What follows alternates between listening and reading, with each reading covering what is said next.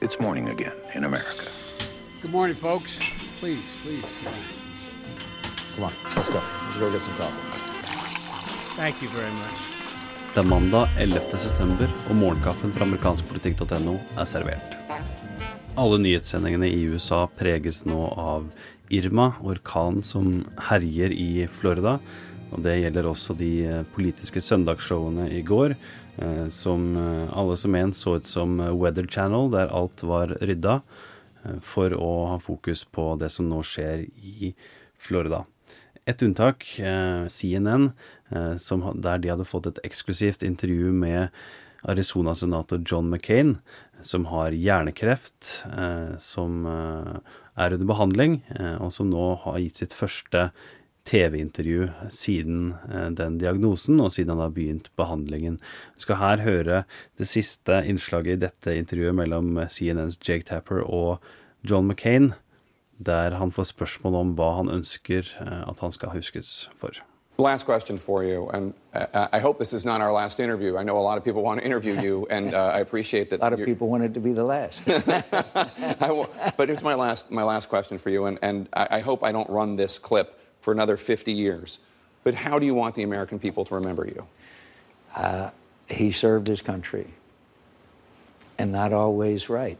Made a lot of mistakes, made a lot of errors, but served his country. And I hope we could add honorably. I think that we can say honorably. Senator John McCain, it's always great to have you here. Do not be a stranger. There's a seat for you anytime you want. Når det gjelder andre politiske nyheter her, så er det jo faktisk Eh, nok en gang justisminister Jeff Sessions eh, som stjeler noen overskrifter her. Eh, han skal nemlig ha fortalt kollegaer og medarbeidere at han ønsker å gjennomføre en løgndetektortest av samtlige medlemmer i Det nasjonale sikkerhetsrådet. Det er da snakk om mer enn 100 mennesker. Fordi han ønsker å finne ut hvem det er som har lekka en haug med informasjon til den amerikanske pressen. Eh, som eh, i Trump-administrasjonen nærmest fremstår som en flue på veggen, for de får med seg alt som skjer der. Eh, mer spesifikt så er Sessions interessert i å finne ut hvem det var som lekka transkripsjonene av president Trumps telefonsamtaler med andre statsledere helt i starten av hans administrasjon.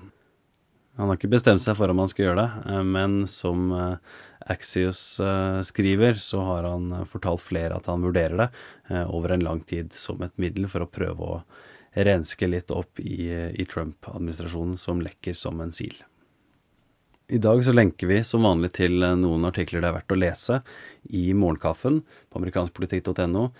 Og det her er da en artikkel av Peter Baker i The New York Times som skriver om det som skjedde i forrige uke da Trump sa seg enig med Chuck og Nancy, som han sa det, minoritetslederne i Senatet og Huset, um, og hva det her har å si for det politiske samarbeidsklimaet framover, og hvor vanskelig det nå er for eh, republikanerne helt å vite hvor de har sin president som ikke akkurat er noen livslang republikaner, snarere tvert imot, så framstår han jo som en Eh, som en politiker som adopterte et parti når det viste seg eh, fordelaktig for ham selv.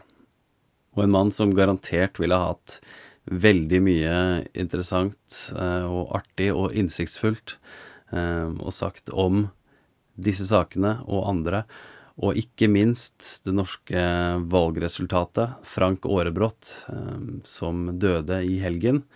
En, eh, en, fantastisk eh, foreleser og inspirator og historieforteller. Eh, professoren er nå mm, død, og jeg husker fortsatt første gang jeg møtte ham på et valgarrangement i Ohio, der han satt og venta på Obama.